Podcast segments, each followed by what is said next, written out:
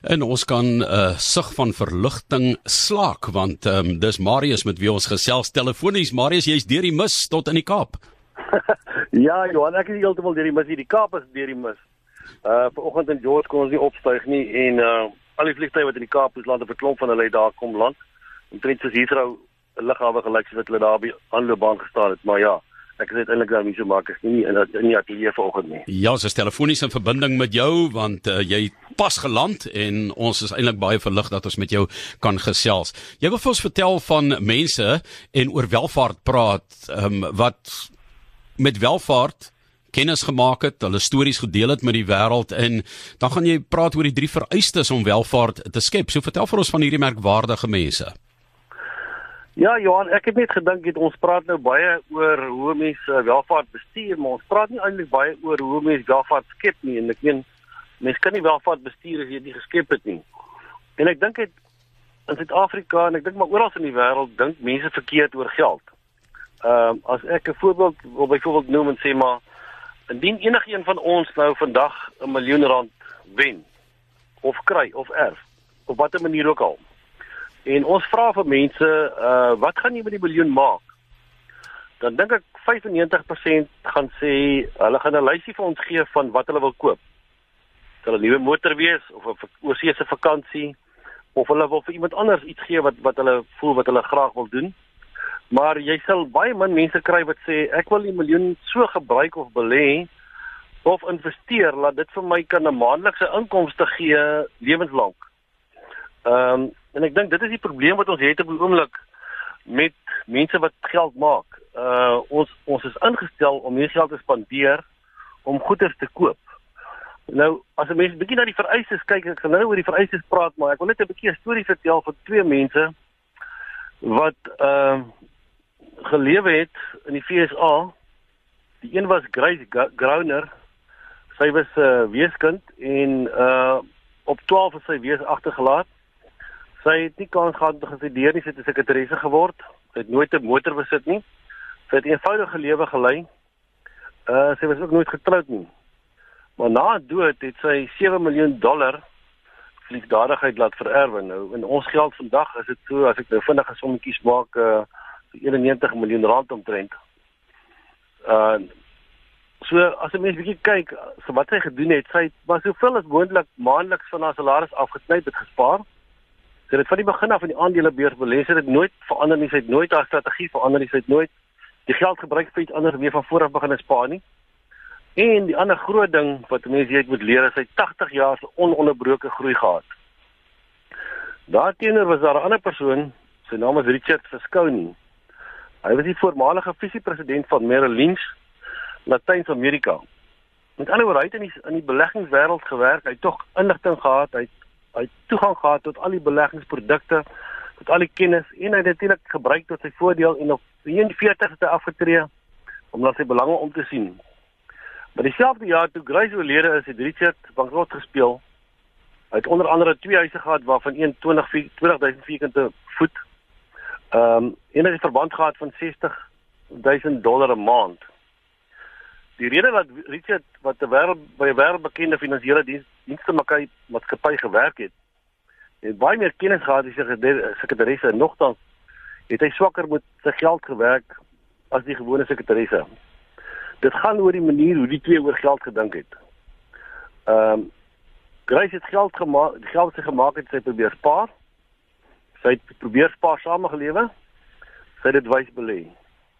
Richard het ook geld gemaak maar hy het alles in goed omskep. Hy het baie skuld gemaak en hy het nie genoeg kontant op die kort termyn gehad om sy verpligtinge na te kom nie. En Johannes, as mense begin na die storie luister, dan is daar eintlik 'n Grace storie is al die vereistes is saamgevat. Uh en ek dink ons is ook in 'n situasie nou waar as mense bietjie kyk vir al die millennials en ek praat nogal baie met hulle vandag. Mense soek 'n korttermyn pad na rykdom. Hulle wil vinnig baie geld verdien, goeie salaris en die eerste ding is hulle wil 'n mooi motor koop, hulle wil 'n baie mooi huis hê, 'n baie mooi woonstel en binnekant die woonstel is alles wat oop en toe maak. En al hierdie goed kos geld en daai geld kon gespaar gewees het. Uh ek lees ek sommer net gou ehm um, stukkie wat ek raak gelees het oor welvaart, 'n definisie wat ek raak gelees het, hulle sê welvaart is die dinge wat jy nie sien nie. Dis die diamante wat jy nie gekoop het nie. Dit is die verbeterings in jou huis wat jy nie aangebring het nie of uitgestel het. Dit is die opgradering op jou vlugte wat jy nie gedoen het nie. Dit is bates in die bank of in 'n belegging wat jy nie in goed goed is omskep het nie. En ek dink Johan dit dit sê nogal vir ons vertel vir ons 'n bietjie ehm um, as ons 'n bietjie gaan kyk na die na die verskillende vereistes om welvaart te skep. Uh hoekom baie mense selfs nadat hulle goeie inkomste gehad het lewenslank tot baie laat moet werk omdat hulle nie kan aftree nie. En in ons werk kry ons mense te doen met allerlei mense, mense wat nie vir groot salarisse gewerk het nie. Wat by aftrede kom as as ek baie keer verbaas is en ek hierdie persoon het langs die pad van 2 of 3 woonstelle gekoop vir my inkomste gee. Sy huis is betaal. Hy het 'n lekker pensioen opgebou. Hy gaan sy aftrede in sonder enige stres. Dan kry jy daar teenoor teenoor mense wat regtig in 'n in 'n bedryf, bedryf gewerk het of in 'n werk gestaan het waar jy weet waar hy baie goeie inkomste gekry het en die persoon het net nie genoeg geld nie. En dit gaan net oor hoe 'n mens dink oor geld en hoe jy dink oor spaar en hoe jy dink oor belê. En ek dink daai daai daai konsep wil ek 'n bietjie net verder oor praat. Ja, dit sal goed wees iemand wat vra wat is die naam van die grys waaroor jou gas nou net gepraat het. Dis Grace Groner het jy gesê, né? Uh ja, die naam is Grace Groner. Goed. G R O N E R. Daar's hy, so as mense dit 'n bietjie wil opvolg, maar 'n merkwaardige ja. storie, maar een van die waarhede waaroor jy al baie gepraat het, is geduld, né? Ja, weet, ek dink uh as 'n mens bietjie na Warren Buffett se hele verhaal kyk, meeste van sy geld het hy gemaak na hy 50 is. So hy het vir 'n lang tydperk het hy nie geld glad groei, hy het geld op geld glad groei. Hy het ehm um, dividende gekry op sy beleggings, hy het dit herbelê. Hy het in dieselfde huis gebly, bly vandag nog in dieselfde huis in Ouma. Hy ry nog met sy eie motor na 'n restaurant toe of na werk toe. Hy gaan eet by 'n restaurant, eet hy net 'n hamburger. So hy probeer nie elke keer die duurste dis bestel nie. So hy's nog in dieselfde gewoontes wat hy gewees het vandat hy jonk was en omdat hy dit oor 'n baie lang termyn reg gekry het. Die, die wonder van saamgestelde rente of saamgestelde groei wat Grace gekry het op haar beleggings. Sy het elke jaar dit sy bietjie dividende gekry, dis herbelê. Die aandele se pryse het gestyg, die aandelebeurs het gestyg oor jare. Sy het inflasie geklop met haar geld, maar sy het dit vir 80 jaar gedoen. En dis hoekom sy hierdie ongelooflike ehm um, hoeveelheid geld kon gespaar het en nagelaat het.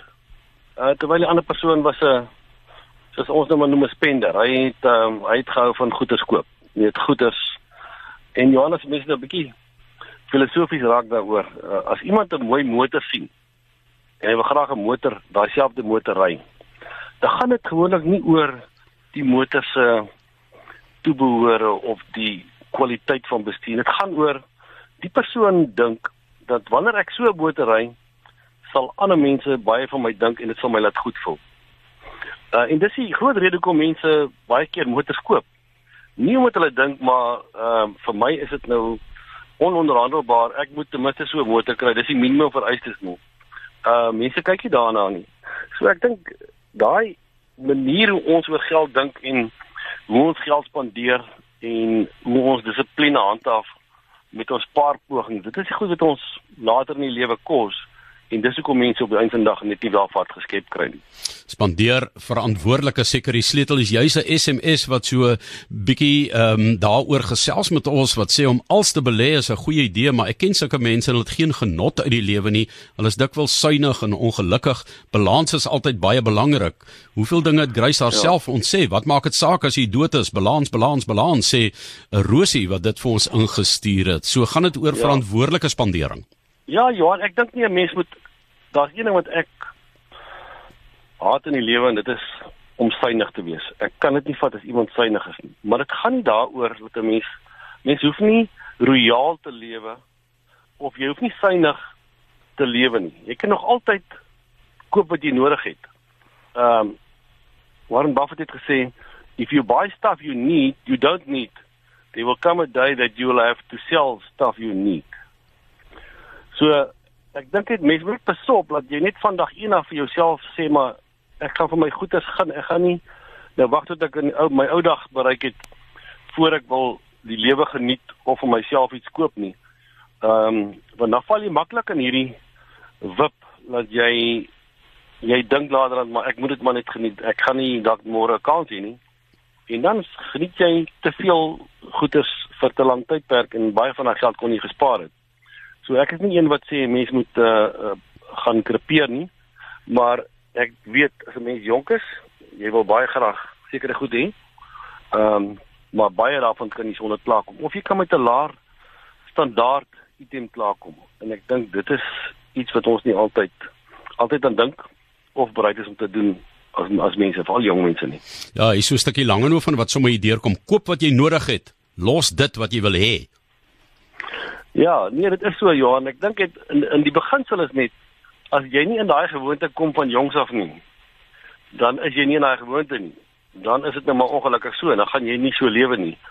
So een ding wat ek wil vir jong mense sê is begin vroeg, begin van die begin af om so te lewe, daai beginsels te lewe.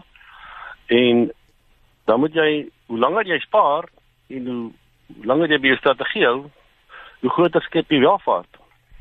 En die en die lekker ding is as jy hierdie goed reg kry terwyl jy jonk is, dan kom daar 'n punt in jou lewe wat jou kapitaal vir jou genoeg gegroei het sodat jy die lekker dinge in die lewe kan geniet. Dan is daar genoeg opbrengs uit jou uit jou beleggings dat jy kan af en toe oorsee gaan of vir jou af en toe 'n nuwe motor koop. Uh maar die oomblik as jy dit moet dog moet doen met skuld of goed afbetaal of sodra jy geld gespaar het, sê maar ek het dan nou soveel bymekaar gemaak, nou wil ek dit dan weer gebruik vir 'n vakansie. Dis wanneer jy nie welvaart bou nie. Maar kom ons kyk net 'n bietjie Johan na daai drie vereistes wat ehm um, wat 'n mens dan nou moet aan voldoen as jy welvaart wil bou. Ons vat sommer 'n gryse storie. Grace het verantwoordelik gelewe. Met ander woorde, sy het nie 'n motor gekoop nie, miskien in daai jare het sy in 'n plek gebly waar 'n mens genoeg vervoer gehad het, stedelike binnestedelike vervoer dat jy nie motor het nie. Nodig weet ek, ek weet daar in Londen, mense koop nie motors nie hulle is of op die tube of hulle is in of in 'n Uber. So baie mense sal vir sê maar ek het nie 'n motor nodig nie, hoe moet ek 'n motor koop? En dit is baie goedkoop en ek ken mense in Suid-Afrika wat wat nie motors het nie, wat so lewe. En spaar soveel as moontlik, solank as moontlik. Uh Grace het voorbeeld dit gewys dat as jy soveel as moontlik spaar en dit gaan nie oor 'n groot bedrag elke maand nie, dit gaan oor elke maand 'n bietjie spaar en dit oor 'n lang termyn doen. Uh dan bou jy baie kapitaal en baie welvaart. En dan moet jy wys belê. Uh Grace het in aandelebeurs belê en nie in die bank nie, omdat sy daar konstant inflasie geklop het en saamgestelde groei oor 'n lang tyd by gekry het. Daar's vandag baie maatskappye wat meer as dividend per jaar uitbetaal as wat hulle aandeleprys 10 en 20 jaar terug was. En nou as jy 'n jong mens is en jy koop miskien 'n aandeel wat nou R20 is, maar oor 20 jaar, oor 10 jaar gee die aandeel vir jou R20 dividend. Dan jy ongelooflik goed met jou geld gedoen. Ehm um, So, dit is maar die dis die beginsels Johan wat mense mense kan 'n bietjie uitbrei oor elkeen van hulle, maar dis die beginsels wat jy moet volg as jy welvaart wil bou. En ongelukkig bou jy dit nie oor die kort termyn nie. As jy hierdie beginsels toepas, sal jy genoeg kapitaal hê in jou lewe om die dinge wat jy vroeër pryse gee het, terwyl dit daarvan verspaar van spaar sê dit kan geniet. Kom ons gaan net vinnig deur daai drie vereistes om welvaart. Ons doen as dit ware hersiening daarvan Marius. As mense geluister het, hier is mense wat sê 'n leersame praatjie. Ek het 4 jaar terug Grace metode begin toepas en is verstom oor my kapitaalgroei en ek bederf myself en ander. So sê Cecile, iemand seker het op YouTube gesien.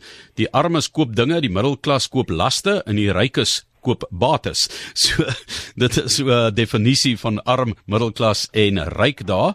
En vandag se vermorsing, môre se verknorsing, sê Erna daar van welkom. So die mense luister, Marius, belangrike inligting wat jy met ons deel. Net weer daai drie vereistes om welvaart te skep. Ons het so 5 minute oor, so kom ons som op. Ja Johan, ek dink die eerste een is spaar van spandeer verantwoordelik. In ander woorde, die oomblik as jy as jy beginne werk, kry jy begroting, spandeer wat jy moet en van dag 1 af kry 'n bedrag wat jy spaar. Anders is alles dit R500 'n maand. Teken 'n debietorder, laat daai geld op 'n effekte trust aandele effekte trust afgaan en vergeet daarvan. Sê net jy gaan dit nooit verminder nie. Soos wat jou salaris opgaan, gaan jy dit vermeer, gaan jy dit meer maak. So dis dis een manier. Ehm um, spaar soveel as moontlik. Ehm um, dis net gesê dis wat jy dis wat jy gaan doen en dan belê wys. Dit help nie jy sit met geld onder die bed nie. Jy help nie jy sit met geld op 'n plek wat nie inflasie klop nie.